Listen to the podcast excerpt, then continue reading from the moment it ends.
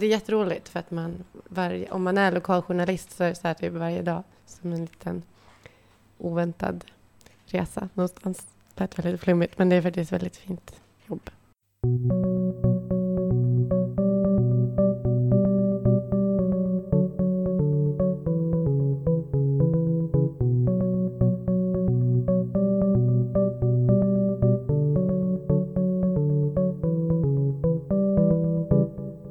Idag har vi intervjuat en journalist. Mm.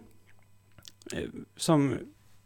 eh, Det, det var något du sa för något avsnitt sen att eh, du tycker att de vi intervjuar verkligen, alla passar verkligen för sina jobb. Mm. Mm. Och det här var också ett till exempel tycker jag. Mm. Verkligen. Superlokaljournalist kan man säga.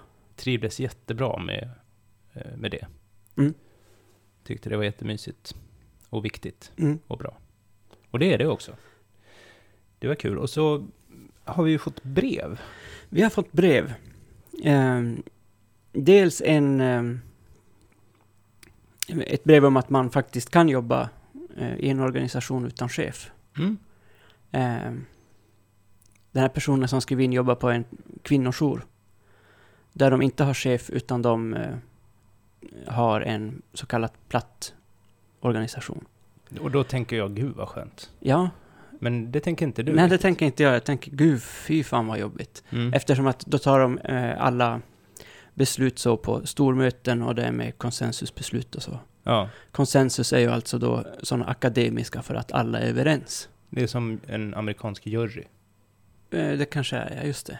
De måste ju vara överens, fast de inte är det. Ja, det är ungefär så jag tänker att det kan bli. Ja. Att det måste ju ändå vara folk som viker sig. Om det liksom är elva som tänker att det var mördaren, Mm. men jag tror inte det. Nej. Men då kan vi inte sitta där hela året. Nej, precis. Utan då får jag säga, ja ah, men det var nog mördaren. Ja. Men vi säger det. Eh, nu tror jag det är andra saker de tar beslut om på det jobbet, men... ehm, men jag, eh, den här personen skrev att det är klart att det finns liksom maktstrukturer på jobbet. Mm. Och att det kan vara, eh, kan vara svårt när de är men, informella. Och det är nog något som jag tycker är jobbigare än att ha en vanlig formell chef. Just det, om den har en nam- namnbricka där det står att den är chef, Mm. då vet man det. Jo, Men om alla har samma namnbricka, då är det bara den som är kanske mest bundis med alla. Eller vem är det som blir chef då, tänker du? ja, det kan ju vara så här folk som har jobbat länge. Mm. Det... Eh, jag tror vi pratade med han aktivitetsledaren om det. Mm. Eh, Just det, informella maktstrukturer Mm. liksom. Ja, ja. Och det jag tycker att det är ganska vanligt i just offentliga eh, yrken de jag har jobbat på. Så att det blir en... Då har vi ju för sig en tydlig chef som inte är på jobbet utan sitter på ett kontor i en chefskorridor. Men eh, det är just det att även på arbetsplatsen så blir det då där en eh, informell maktstruktur. Mm. Och det, är- ja som sagt, jag tycker det är mycket, mycket värre än att ha en chef. Då är det ju bra att de chefer som jag har haft har inte varit liksom träskallar. Eh, Nej, just det. det För du kan ju menar att, också. att de som är de inf- informella cheferna, Mm. de måste, det är inte nödvändigt så att de har någon typ av ledar, att de är en ledargestalt. Eller? Utan det kan bara vara så att de har varit där länge. Ja, men då blir man ju så en, en ledargestalt. Men att tänka att det är helt, helt platt och demokratiskt, det kanske... Man påverkar ju ändå varandra liksom. Ja. Men är inte det bra då? Ja. ja, om det är bra beslut så är det bra. Men, För de som har varit där länge, de vet ju mer än de som varit där kort tid. men de som har varit där länge också kan ju tycka att man inte ska förändra saker. Bara för att det alltid har varit på ett visst sätt. Mhm. Mm. Nej, Jag, tycker, jag får en sån varm eh, känsla i magen. Lite som när man har varit ute och åkt pulka och så kommer man in och dricker varm choklad. Mm. Så känns det för mig när jag hör det här. Ja, ja, jag får den här känslan av att man sitter och försöker ta beslut och mest bara kanske vill gå hem. Titta på klockan. Ja. Mm. Så, men i och för sig, då kanske jag skulle passa väldigt bra i de här eh, eh, konsensussammanhangen, för jag bara hade hållit med. jag vet inte. Ja, ja. Efter, Mm. när, jag, när jag lyssnar på, på konsensuset så struntar jag i mitt eget konsensus kanske. Mm. Men är det inte ändå bra att det liksom är fler som fattar beslut? Det är ju bra, jo. Men jag att tänker att blir... just med de här, när man ska ta de besluten och det är, eh, finns en situation där det är eh, informella maktstrukturer och så, så kan det ju ändå bli, då är inte besluten kanske helt eh, helt egen, egenfattade så. Nej. Så det kan bli svårt om man ska sätta schema och alla ska vara överens. Vem jobbar på julafton? Precis. Och sen är det ingen som vill det. Men då är det någon som säger, men du jobbar ju inte förra julafton. Ja, men där, där tror jag, de- det har man nog säkert löst på något sätt. På något tidigt stormöte där. Okej. Mm. Schema. Varannan jul ska jag kunna tänka mig. Mm.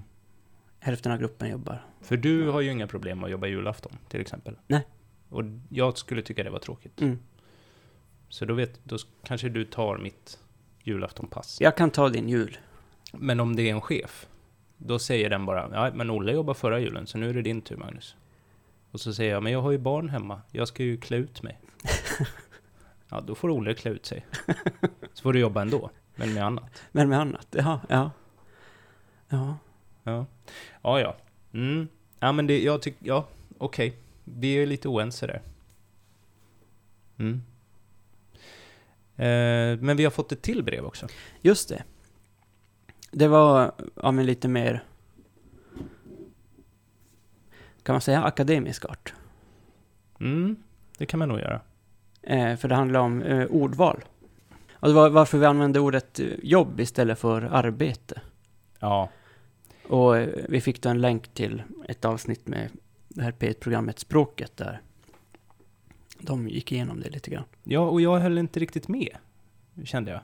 Nej, alltså jag trodde att det var tvärtom. Att jobb, det är något man kanske säger på vänstersidan.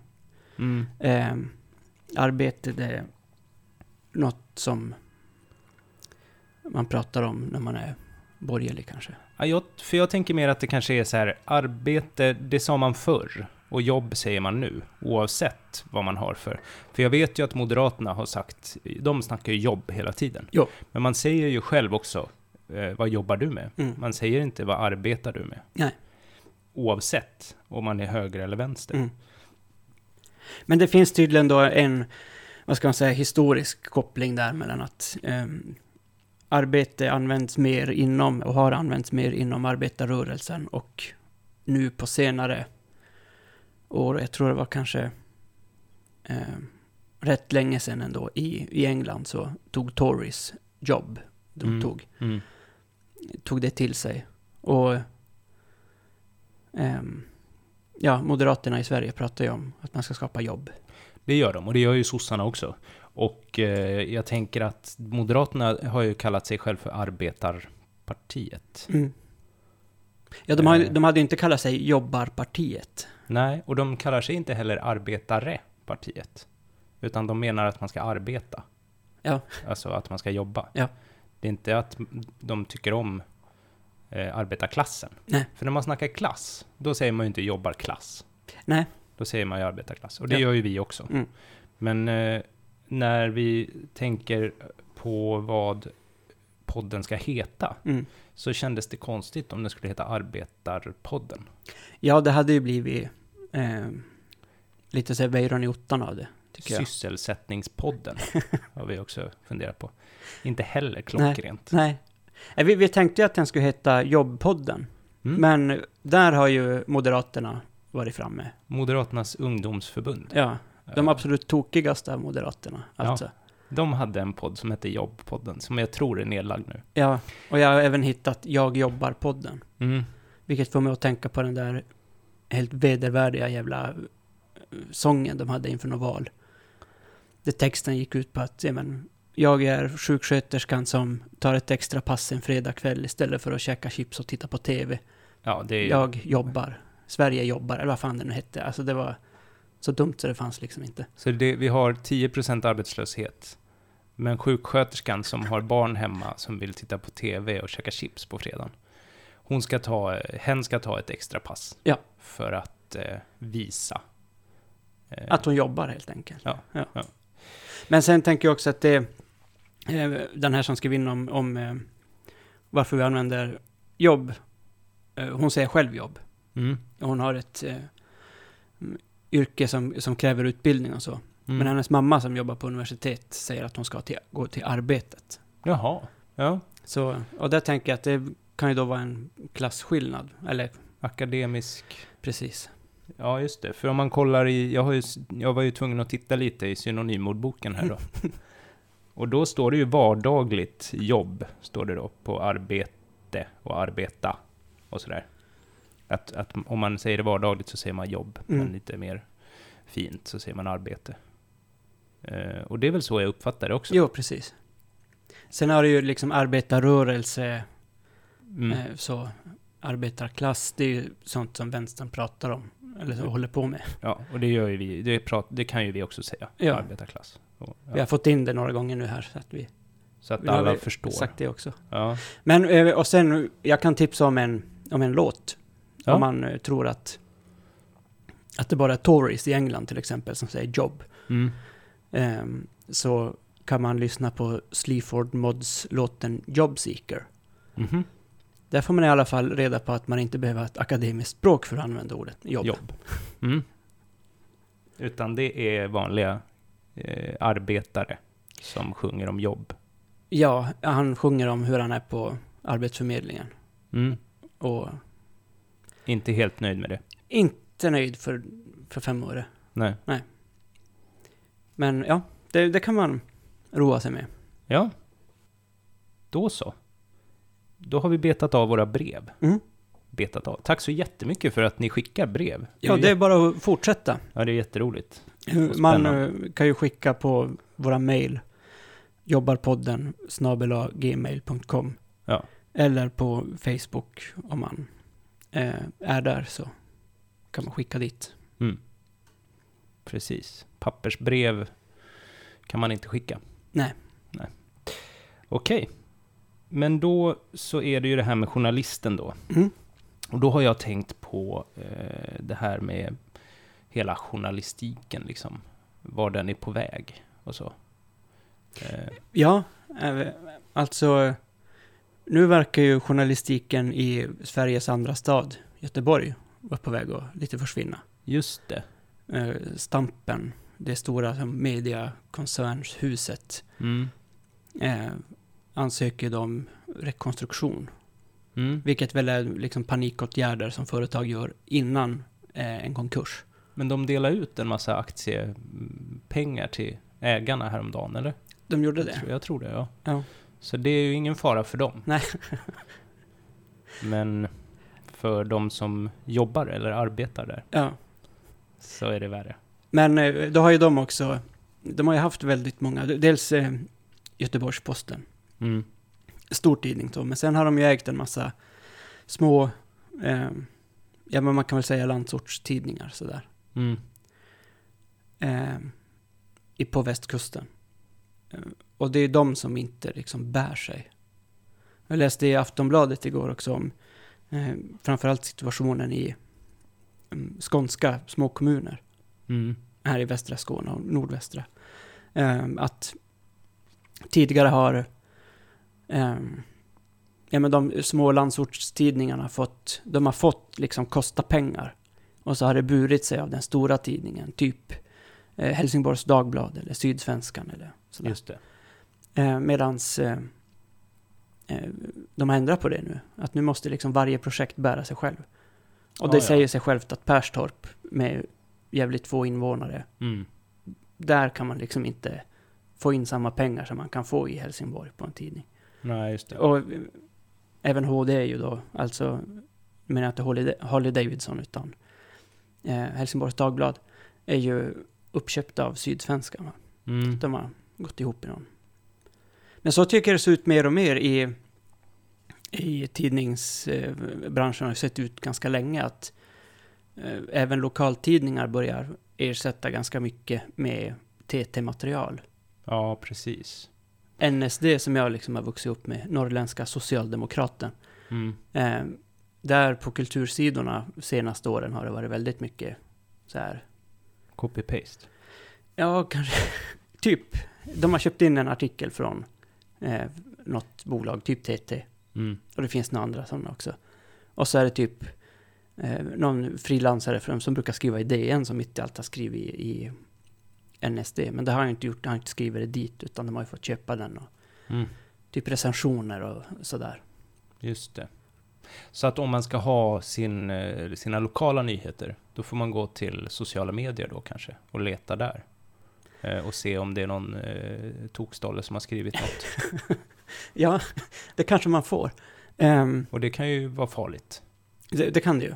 Mm. Eh, Det har jag sett att Sydsvenskan gör, de eh, länkar ofta till, även om det händer något i Svalöv Ja. till exempel, och de skriver om det några dagar, då märker man att de är ju inne och kollar på Facebook Ja, ja. i så här, Mm.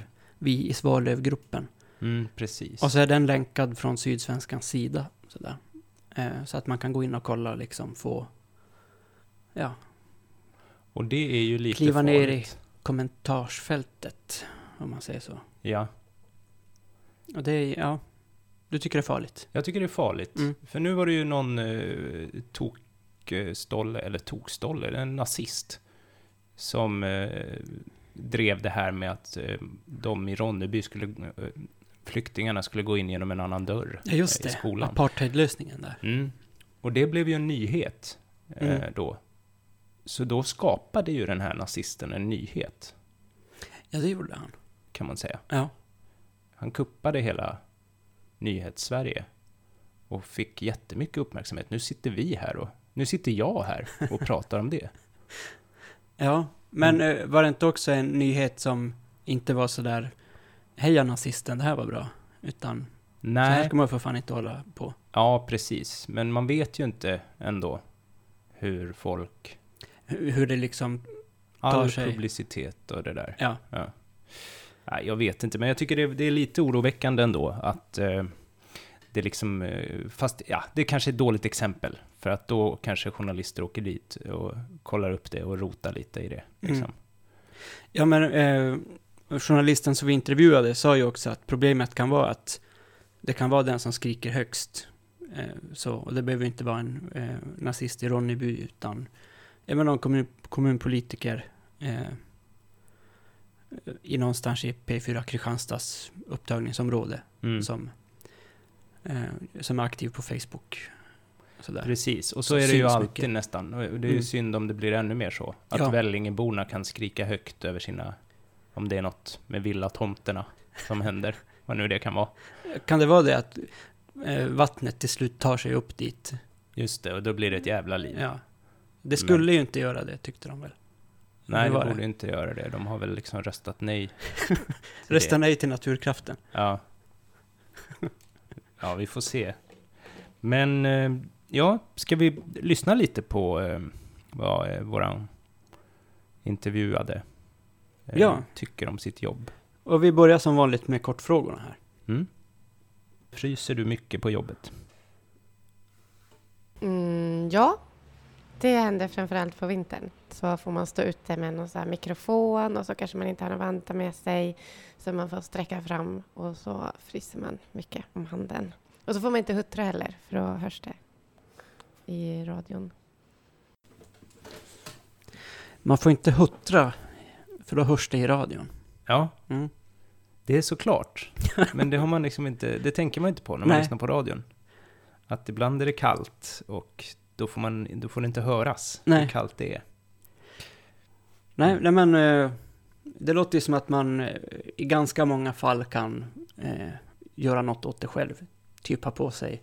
Jag tänker att under vintern så ett bra journalistverktyg är, eller radiojournalistverktyg i alla fall, är typ ett par bra handskar. Mm.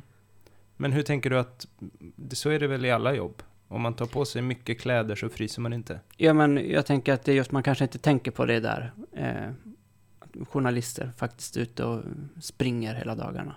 Nej. Ute i kylan. Mm. För mig är ju en journalist en sån som sitter typ på... Som Tintin? Ja, han var ju också ute och sprang mycket. Ja. ja. Eh, jag tror ju att alla journalister är såna här kulturjournalister. Mm. Men det verkar de inte vara då.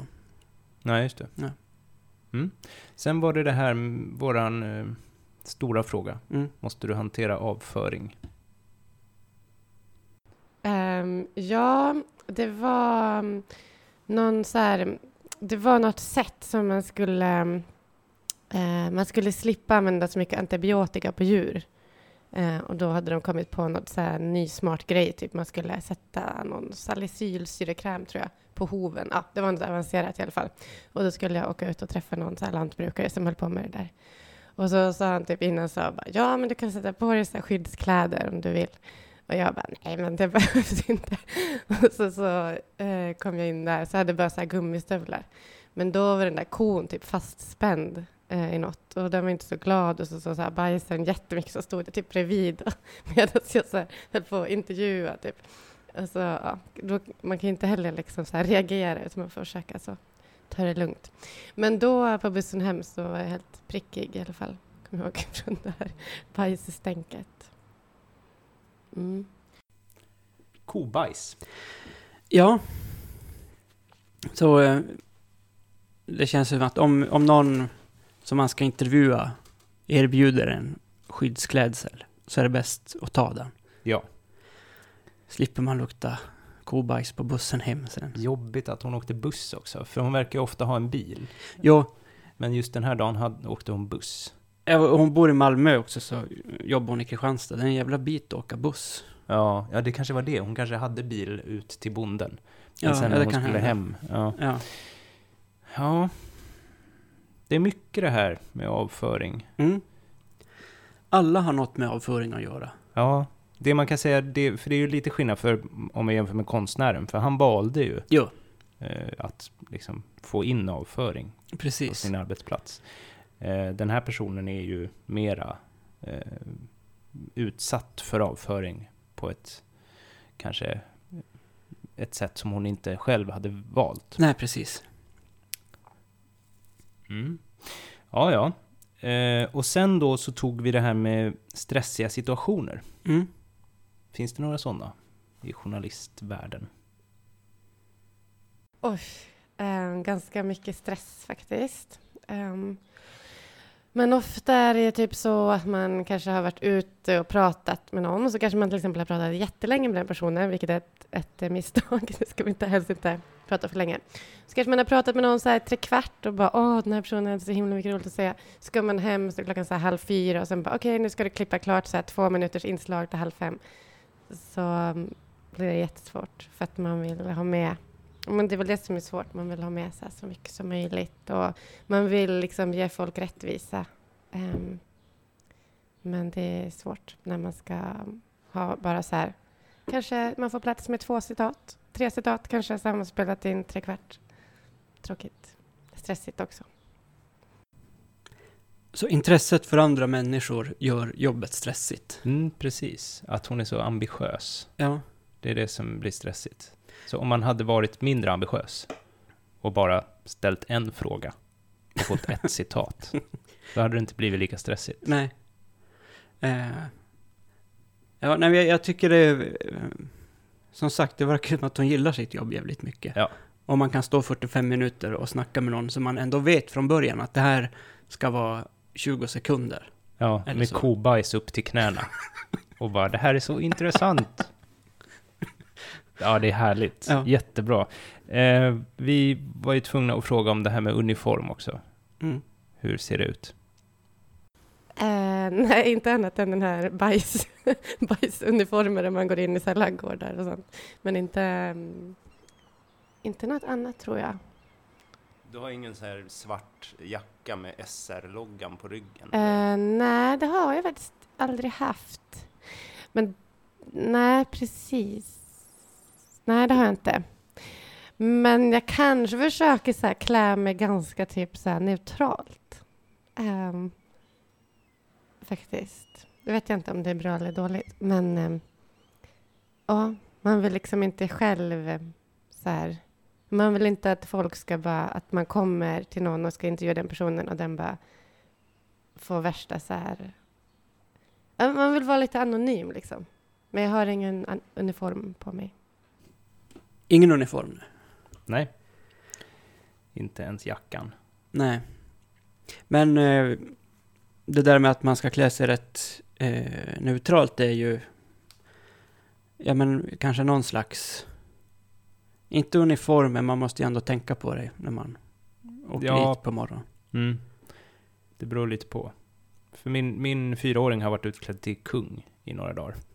Och eh, det tänker jag, om, man hade varit, om jag hade varit utklädd till kung och åkt ut och eh, intervjuat en bonde Ja, om eh, kossor, då hade kanske bonden haft svårt att ta in mina frågor eh, och mer tänkt på att jag var utklädd till kung. mm. Så det kanske är det. med sån, eh, vad heter det, krona i typ folie eller? Ja, han har faktiskt mera en så här, en pälshatt. Eh, Okej, ja. Han ser mer ut som en tsar. Men jag har inte Ja. vågat säga det till honom. Nej. eh, För han vill vara en kung. Så då är han en kung. Eh, Men eh, ja, väldigt speciell liksom, klädsel. Mm. Ja. Så inga sådana utsvävningar. Utan Nej. mera bara neutralt, enfärgat.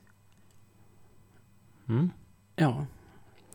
Sen är det ju auktoritet. Mm. Ja, många. Uh, så en nyhetschef som ja, godkänner det man ska göra. Fast de brukar godkänna det mesta. Men, och sen är det någon sån här kanalchef också. Eh, så det är ändå en del. Fast det är också, man får bestämma mycket själv. De verkar ha en hel del chefer där. Mm. Det som man kan tänka är bra, det är ju att hon får vara ute eh, på sina grejer då. Mm. Så hon har inte chefen eh, precis bredvid sig. Nej. Men det finns chefer som vill lägga sig i. Det gör de nog. Ja. Faller det redan där för dig? Ja, tyvärr. Ja. Men hon tycker ju, hon verkar ju liksom producera sånt som cheferna blir nöjda med. Ja. Eh, hon säger ju också att man får bestämma mycket själv. Mm. Och det tror jag hon får för att de litar på henne. Mm. Mm. Så om man bara får chefen att lita på en så Just det. går det bra. Ja. Ända tills de slutar lita på en. Man får För den dagen kommer, Ja. eller? hela tiden passa sig. ja. Okej. Ja, ehm, hon är ju ofta ute och springer och står i stall och badar i bajs och sånt. Mm. Ehm, men eh, då är frågan, har hon ens någon fysisk arbetsplats? Nej, men typ om det är så här eh, något viktigt som jag ska göra just då på den platsen. Ibland gör man så här telefonintervjuer, då kan jag inte bara springa iväg. Men jag kan ju till exempel, det uppskattas ju om man är ute mycket. Ehm, Så istället för att åka hem till redaktionen en dag kan man kanske sitta kvar i bilen och klippa och så där. Så på det sättet är det ju ganska fritt. Mm. Det uppskattas nog om man inte är så mycket på arbetsplatsen. Ja, att man Så det- liksom är ute mer. Så chefen uppskattar om du sitter och klipper i bilen istället för på, på, vid skrivbordet? Um, nej, men kanske uppskattar om jag säger, ja men kanske, för då kanske jag så här råkar träffa någon som har något att berätta. Typ. Eller så. Uppskattar om man är ute bland folk, typ i byarna, inte framför datorn. Ja, Mm. både, både ja och nej, eller? Ja, Eller jag- mest nej va? Mest nej. Ja. Ja, alltså om man kan, som radiojournalist, om man kan sitta och klippa det i bilen lika gärna, så kan man ju faktiskt eh, inte vara, då behöver man inte vara så mycket på kontoret, tänker jag. Nej, å andra sidan, man skulle ju kunna tänka att bilen är den fysiska arbetsplatsen. Mm. Hon måste vara i bilen. Hon får inte... Får inte lämna bilen. Nej, men hon skulle ju inte kunna jobba hemma en dag om eh, barnet var sjukt. Nej, nej det går inte. Ehm, Mm. Okej, men det, var, det kunde man lite gissa. Jo. Svårt att jobba hemma. precis. Det var där jag tänkte, liksom, min den här bilden av journalister, att de alla sitter och skriver om kultur. Mm. Det gör de ju inte. Jag vet inte varför jag har den bilden. Den stämmer ju absolut inte. Nej, just det. Att man Men- ska recensera en, en roman. Precis. Ligger liksom på... Eh, eller sitter i en fåtölj och Mm. läser. Lite grann som du tänkte att de sitter på förlaget där. Mm, precis. Det finns ju journalister som gör det också, men Mm. eh, ska man ändå intervjua bönder på skånska landsbygden så måste man ju ta sig till dem. De kommer inte till ens öronlappsfåtölj. Nej, Utan man ska ut i leran. ut i stallet. Mm. Ja, och då har vi den här med om man har ansvar över någon annans välbefinnande. Nej, det är när de, eh, hon vill byta jobb. Ja, just det. Mm. Ehm, ja, det har jag tänkt på, för det är en väldigt dålig arbetsmarknad. Eh, och det är ganska tråkigt, surt. Um, jag helst väl skulle jag vilja bli mordutredare, men det är typ ganska så svårt. Eller jag inte fattat riktigt hur man gör. Ehm, man kanske måste bli polis, och det är jag inte så sugen på. Men det hade varit coolt. Mordutredare. Mm, det hade jag också velat bli. Mm. Om det är någon mordutredare som lyssnar på det här programmet så får de jättegärna mejla till oss så kan vi intervjua dem, för det hade varit superspännande. Ja. Det, det är nog mitt, ett av mina drömjobb. Fast det är ju också, då lägger jag ju all, alla våra kortfrågor åt sidan. och tänker bara på liksom polisserier. Ja. Så här. Ja, okej. Jag bryr mig inte om då, om det här med chef och sånt. För det har man ju sett på, på sådana mordutredarserier att det kan vara lite jobbigt på kontoren. Framförallt ska jag tänka att det är så det är mörkt hela tiden. Ja, och jag tänker att det är ju alltid så i slutet av mordutredningen att Mm. man på något sätt eh, blir av med jobbet eller måste ta semester. Och sen så Mhm. ska de liksom reda ut det eh, vid sidan av eller något sånt. Det brukar ju vara så. Okej. Ganska vanligt. Ja. Vanlig plott. Och den är ju säkert hämtad från verkligheten. tänker jag. Så det verkar ju vara så att man hänger löst. ja, Man måste följa regelboken väldigt noga. men så kan man inte göra det för att lösa mordet. Utan Nej. man måste måste ta lämna in med. brickan. Ja, Och precis. sen bara, Lämna ifrån sig vapnet och sen hamnar man i den här väpnade konflikten ja. mellan mord, mördaren och en själv. Ja. Men eh, jag tror jag också att man kan bli mordutredare utan att vara snut. Eh, Mm. De har ju gjort någon sån satsning, eller försöker väl. En av alla satsningar de försöker med på polisen är väl att få in mer civila anställda. Som, så att poliserna kan vara ute och göra polisarbete istället för att sitta och knappra vid en dator. Ja, Eh, så där kanske du har en chans. Du behöver inte bli polis, kanske. Ja, precis. Ja, det är nog både min och, och hennes chans, Ja. tänker jag. Jag har ju tänkt att jag väldigt gärna skulle vilja vara en del av palmutredningen. Om någon skulle säga, vill du jobba som palmutredare i resten av ditt liv? Eller tills du går i pension då liksom. Ja. Ja, vad är det, 28, 29 år kvar. Då skulle jag säga, ja, ja men det, gärna. Du hade tagit det direkt. Absolut. Ja. Och jag vet dessutom exakt vad jag gjorde den natten. natten till den 28, 29 februari. Eller vad, vilken natt var det nu? Nej, jag vet inte. Då, När vet, då var jag i alla fall hemma. Eh, på vårt landställe. Mm. Och låg och sov i en våningssäng. Och hur gammal var du då? då? Då var jag sju år. Alltså några år yngre än att kunna hantera en sån väldigt grovkalibrig Magnum. Ja, det skulle jag säga. Ja. Jag skulle säga att jag inte... Alltså jag orkade ju lyfta ett mjölkpaket. Mm.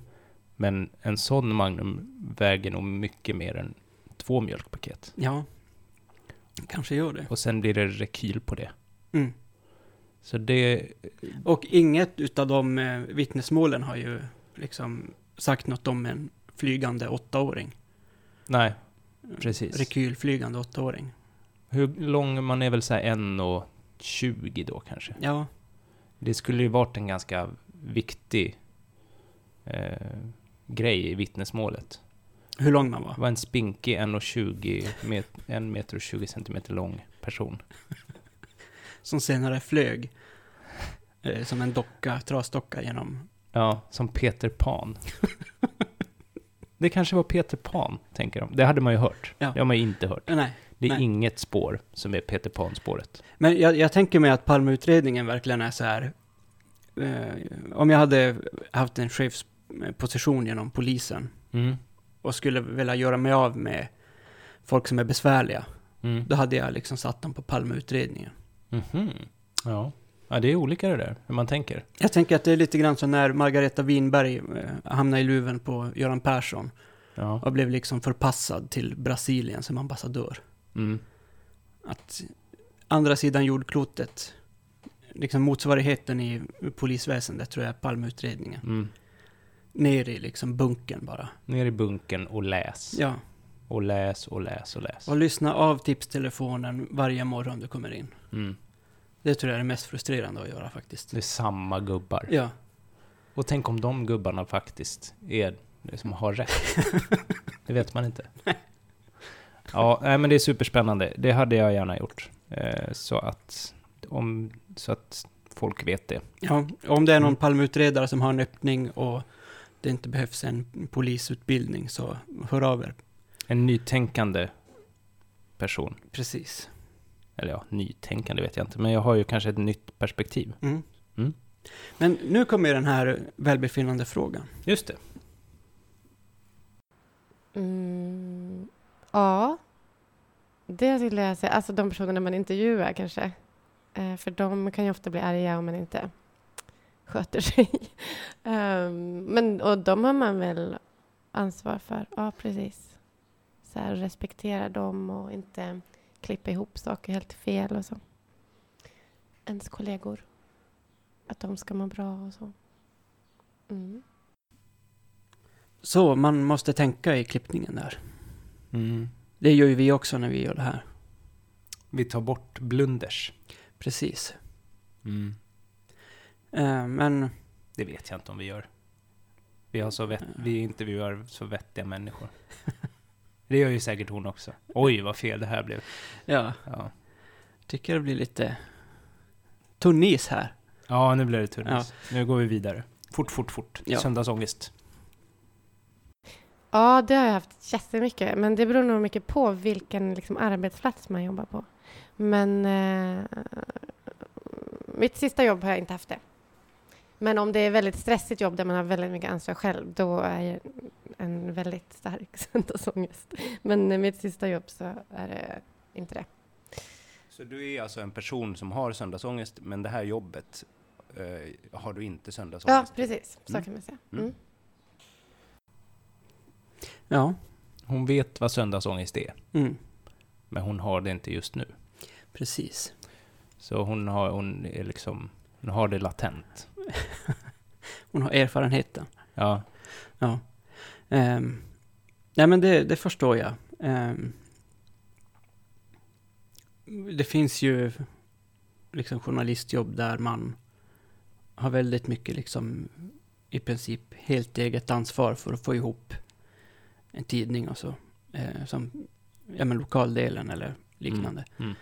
Ehm, där skulle jag känna att jag hade, jag skulle ha haft en jävla ångest när jag gick till jobbet på måndag morgon. Och bara veta att på torsdag eftermiddag, tror jag det är, eller om det är fredag förmiddag och sånt där, Mm. så ska de här sidorna ska liksom vara fyllda med material som jag har gjort. Just det. Och ska man ha gjort intervjuerna, man ska ha redigerat, man ska ha, ja, allt sånt. Och sen är det helg och sen börjar det igen. Precis. Mm. Jag hade varit helt i koma den helgen. Ja. Och sen när klockan ringer på måndag morgon. Upp och så har du den här tomma, tomma tidningen som du ska Precis. fylla med spännande information om eh, Bromölla.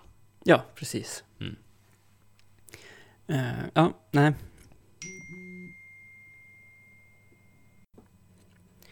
Där kan man säga att gånggången gick. För... Kortfrågorna. Precis. ehm, Den snabba delen. så vi kommer få en liten uh, resumé här. Mm. Ett litet CV. För jag tänker att det är väldigt många som är intresserade av att bli journalister. Så kan det ju vara. Ehm, det verkar vara ett populärt yrke. Eh, Och då ska man kanske veta att inte alla blir Fredrik Strage direkt. nej, precis. Ehm, så vi kan lyssna på den här journalistens... Karriär. Precis. Ehm, jag gick på Skurups folkhögskola, eh, journalistlinjen där, den är ett år och det var kanske, jag kollade i mitt CV häromdagen, men jag glömmer alltid bort. Men jag tror det var kanske fyra, fem år sedan. Eh, och sen så fick jag praktik på P4 Kristianstad som är lokalradio och jobbade där ett år kanske. Sen efter det jobbade jag på lokaltidningen som är en liten gratistidning som finns på jättemånga ställen i Skåne. Um, hoppade runt där på lite olika orter. Och sen jobbade jag på TT, på nyhetsbyrån här i Malmö. Och så nu sist kom jag tillbaks till P4 Kristianstad. Så nu har det cirkeln slutits. Mm. Fram och tillbaka. Just det. Ehm, men det verkar ju som sagt att hon trivs bäst där på, på P4, Mm. där hon är nu. Precis, och det är väl inte så heller att hon har valt att byta jobb så ofta som hon har gjort, utan det är väl så journalister har det idag. Jo. Det är liksom inte, de fasta anställningarna haglar inte över en direkt. Nej. Ja, så, men... Eh, jag frågade ju lite om det här med, för att jag blev ju lite orolig här med utbildning. Okej. Man, jag har ju inget CSN kvar. Nej. Du vill hitta genvägar? Jag vill hitta, precis, fuskmöjligheter. Så jag frågade om man kan fuska sig in. Ja, det tror jag man kan. Det är nog inte alls så svårt faktiskt nu för tiden. Nej, men det tror jag går med så här. Det finns ju massa tror jag. Alltså om man, man kan ju så här göra sitt namn ändå. Eller man kan göra någon podd till exempel. Och sen så lyssnar någon på den och bara oj, här har de gjort en bra podd. Ja, men då kan du få jobba. Alltså, jag tror det. Och jag vet folk som inte har någon journalistutbildning som har jobbat som journalister. Som kanske har börjat med någon så här studentradio. Finns det folk som börjar med och sen så så här halkar man in, får något jobb.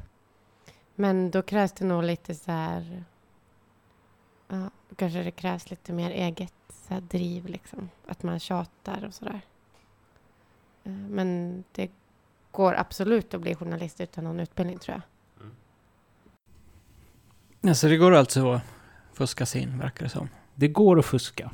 Och jag har eh, tittat på en annons. Ja.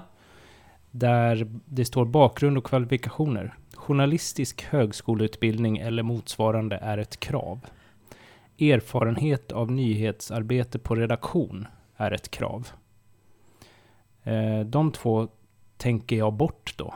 Okej. Eftersom eh, det kommer ju fram här att det behöver man inte. Nej. Man behöver ha en podd, gärna en bra podd. Ja. Vi har en podd. Det är en podd där i alla fall. Mm. Mm. Och sen behöver man vara en liten, eh, lite av en go-getter. Mm. Det var så jag uppfattade det. Hur, eh, hur pass go-gettiga tycker du att vi är? Ja, det är det vi får jobba på. Ja. Eh, Men förutsatt att vi kan bli sådana, Mm. så kan vi hoppa över det här med bakgrund och kvalifikationer. Och då får vi jobba med ett jobb där vi ska trivas när tempot är högt. Och vi ska vara vana att arbeta självständigt. Okej. Vi är vana vid att arbeta självständigt, Mm. om vi anser att det här är ett arbete. Ja, precis. Ja. Och att vi har hunnit skaffa oss vana. Mm. Eh, vi kommer ansvara då tillsammans med producent för nyhetssändningar och snabba nyhetsuppdateringar i program. Det, Är det som radiojournalist eller? ja precis.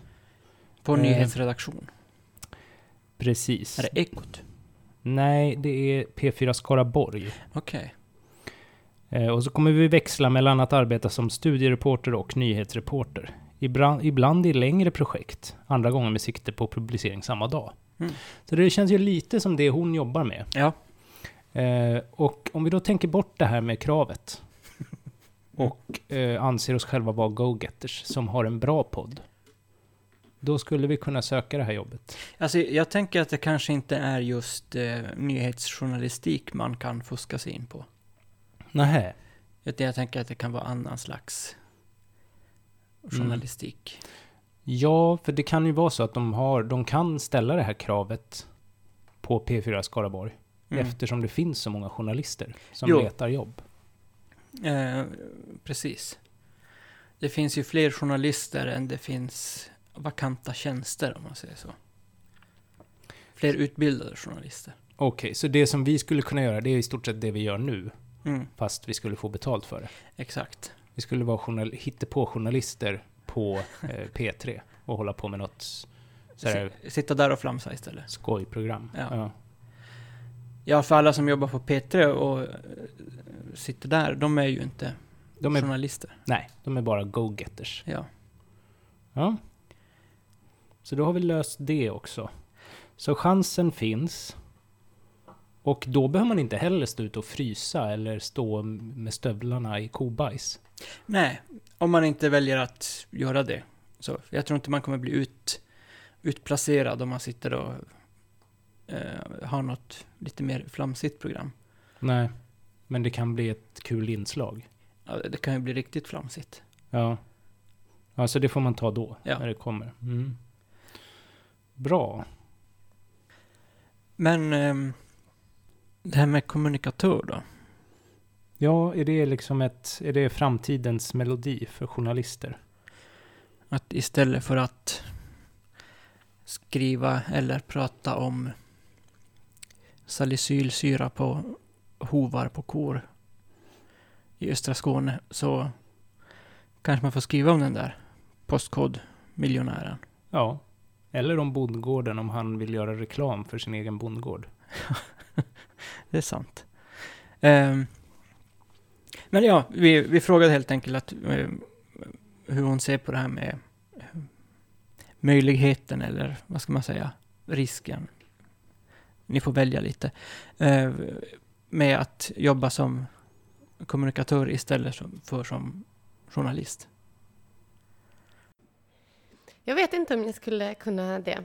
Ibland har jag tänkt att det kanske är kul om det är någon organisation eller någon kommun kanske, eller någonting så här som man...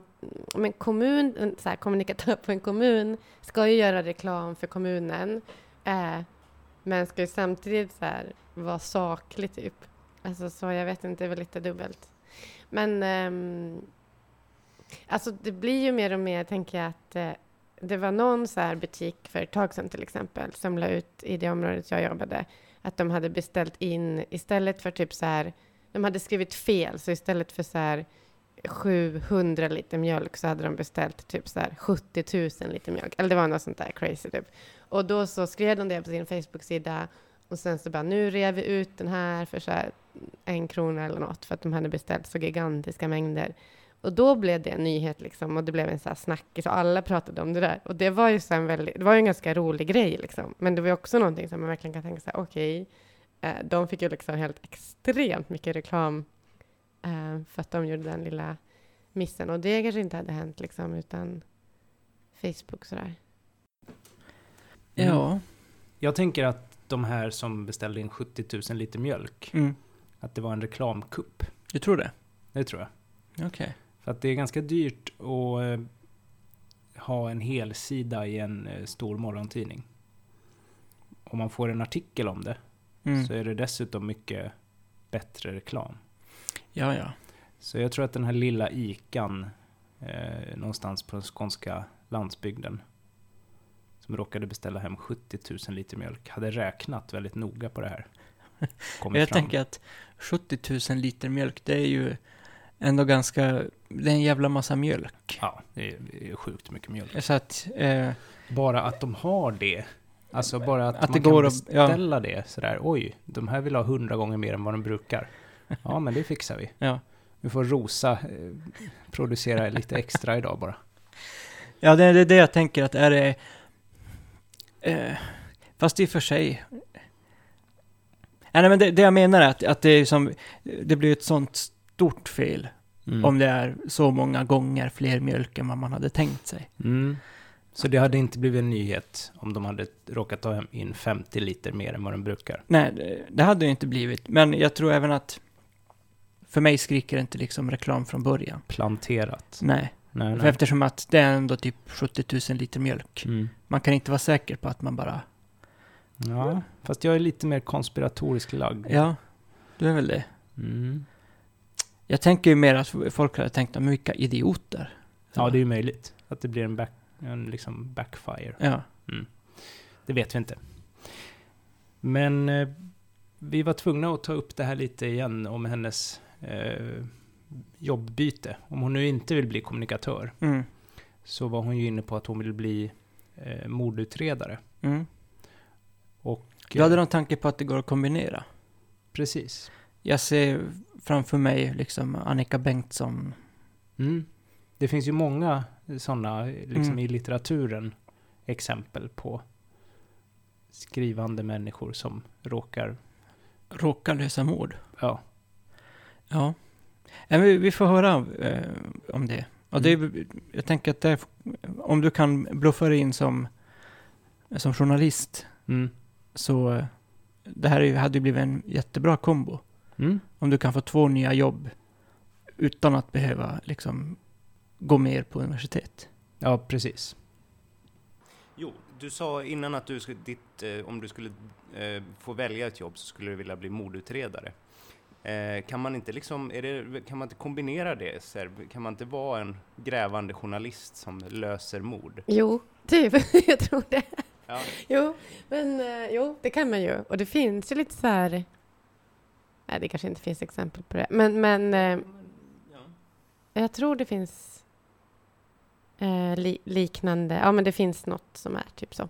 Men, ehm, men framför allt så får man ju mycket, alltså man får ju som journalist när det är så här rättegångar och sånt, så får man ju läsa så här åtal och, och domar och sånt. Det är superspännande tycker jag. Alltså för att det, där står det ju så mycket grejer. Och jag tänker om man är så här mordutredare så får man liksom gå in mer på djupet eh, med de grejerna. Men man skulle nog kunna kombinera det, men då... Jag vet inte riktigt hur det skulle gå till eller vilken arbetsgivare som skulle så här, gå med på det. Um, men om man var så här driven och hade en arbetsplats där man så här riktade in sig på just kriminaljournalistik så tror jag absolut. Det är ju väldigt så här klickat också om man ska prata i de så här termerna. Så det är, ju, det är väldigt många som vill läsa om så här mord och pedofiler och läbbiga våldtäkter och kidnappningar och läkare som spärrar in folk i bunkrar och sånt till exempel. Eh, det är ju väldigt så här kittlande tror jag med sådana historier. Eh, ja. Superspännande. Och det, och det, ja, det är väldigt så här rolig del av journalistiken tycker jag. Så här kriminalgrejerna. Mm. Men har du fått göra någon sån grej någon gång? Har du fått gå in så här på, eh, för jag tänker så här att man går in där på SKL och så här tar fram en så här skokartong, blåser av dammet och öppnar den och kollar i den så ligger det en massa spännande grejer där. Nej, inte riktigt så grävande har jag inte fått vara. Nej. Men, eh, eh, men däremot kan man ju så här, jag vet till exempel, det var ett väldigt uppmärksammat så här fall för några månader sedan här i Skåne, där det var en läkare som hade spärrat in en kvinna i en bunker och hållit henne fången där. Och det åtalet, när det kom, så, så fick jag det till mejlen och bara började läsa. Och först så visste man inte så mycket. Det stod typ bara så här människorov eller något. Eh, så man bara, okej, vad är det här? Så här ja, men det verkade ändå lite så här knäppt. Och sen bara läste man det och det var liksom väldigt så här, i vanliga fall så står det inte så jättemycket, men det var väldigt detaljerat. Och det stod så här, bara han gick dit och dit och han lurade henne dit och sen så här, förgiftade henne med så här chokladdoppade jordgubbar och hade med så här gummimasker som såg ut som så här gamla människor för att han lättare skulle kunna så här förslå bort den här kvinnan. Och bara ju mer man läste så bara, alltså det här är sån himla konstig historia. Och, och det är väl så roligt för då är man liksom då får man läsa det så här från början först, för jag hade inte läst det någon annanstans då, liksom, eller i någon annan tidning, utan man bara får ett åtal, så vet man inte riktigt vad det handlar om, så bara börjar man läsa, sen bara för varje så här mening blir det bara konstigare, konstigare, konstigare. Men det är ju inte direkt så här grävande, men det är ändå väldigt så här... Men ska du då ta ut det, alltså om du får det där, ska du då hitta liksom det, kärnan i det? Ja, precis. Och eh, gärna liksom kanske på något sätt som Aftonbladet inte gör, eller? Ja, tänker ni- precis. ja. Ja, precis. Men just då så var vi faktiskt eh, före eh, de flesta med det. Men, men ehm, så då var det mest så här, okej, vilka, för då, då är det också så här, okej, du ska göra det här, sammanfatta det här på en minut typ, till sändning om så här två timmar kanske. Då bara, och så sitter man och läser så här fem sidor med bara så himla knäppa detaljer som man bara, okej, vad ska, ska jag välja så här chokladdoppade jordgubbar med gift eller ska jag välja så här att han tog med gummimasker som ser ut som så här gamla person eller ska jag välja att han så här har byggt en bunker och typ spärrat in kvinnan? Alltså det var så himla mycket detaljer som man bara, gud, var ska man börja? Och nu skrattar jag, det är säkert inte så här kul sådär, men alltså det blir så absurt så, så då, det är ju ganska svårt då så att ta ut essensen när det är så mycket som man vill ha med. Så det kommer jag ihåg att det verkligen var så okej okay, det här och det här och så fick man bara stryka, stryka, stryka, stryka. Typ. Ja, jag tror jag hade kvar de här jordgubbarna till sist. Det var det typ som var det knäppaste.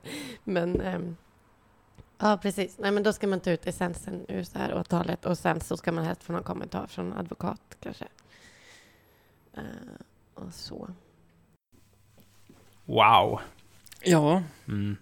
men det, det måste ju vara en häftig känsla eh, att få det där liksom innan. Jag menar att vara den som skriver det, eller vara den som rapporterar om det. Mm. Få, För det få veta på- det före alla andra så. Eftersom det var i hennes lokal, eh, liksom lokala. Ja, Var- det var ju någonstans, jag tror det var i östra Skåne, någon sån här liten. Mm, jag tror det också, nordost Ja. någonstans. Så det, men jag tänker lite att de borde fått en hel sändning till det, för att det var så stor grej. Men det fick hon inte. Nej, Men det verkar ju, det, den här berättelsen gör ju att jag tänker att jag ändå skulle kunna tänka mig det här jobbet. mm. som journalist ja. Ja. Mm. Just att få berätta den, eh, sådana nyheter. Hemska nyheter. Ja, Men var, liksom, var den eh, första att berätta det. mm. Det är ändå spännande.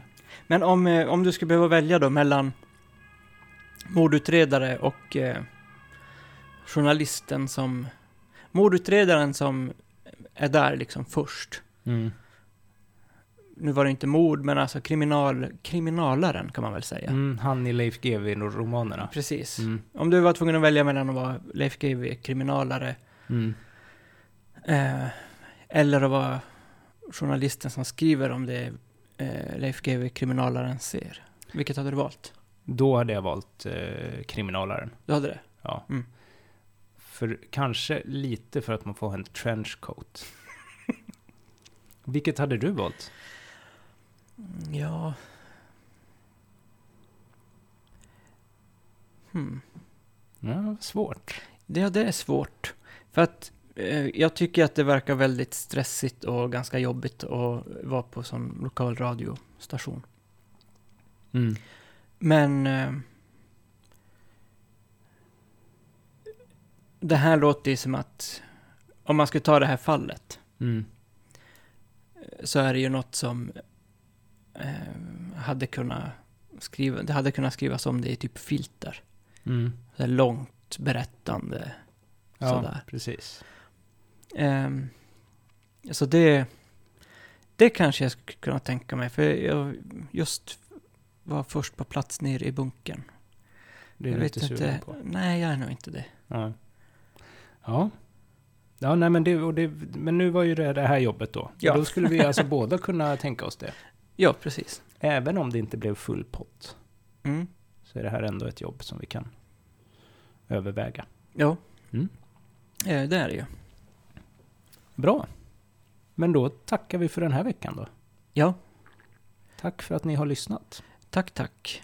Och eh, vi hade ju tänkt göra en sån här, ha en eh, annan jingel nu på slutet faktiskt. Mm, vi tänkte spela den här låten som du pratade om innan. Jobseeker. Men eh, det är ju massa såna här upphovsrättsliga grejer. Mm, Som vi vågar inte- Vi får inte ihop det där riktigt. Ehm, Så det får gärna någon, om någon lyssnar som vet sånt, om man får spela 10 sekunder av Mm. en låt, så får ni jättegärna berätta det för oss, för vi känner oss osäkra. Ja. Eh, det hade ju varit spännande. Men nu kör vi vår gamla hederliga. Ja, och så får ni efter den gamla hederliga gingen eh, gå och lyssna. Finns på Youtube, eh, den här låten. Jobseeker. Mm. Jobseeker.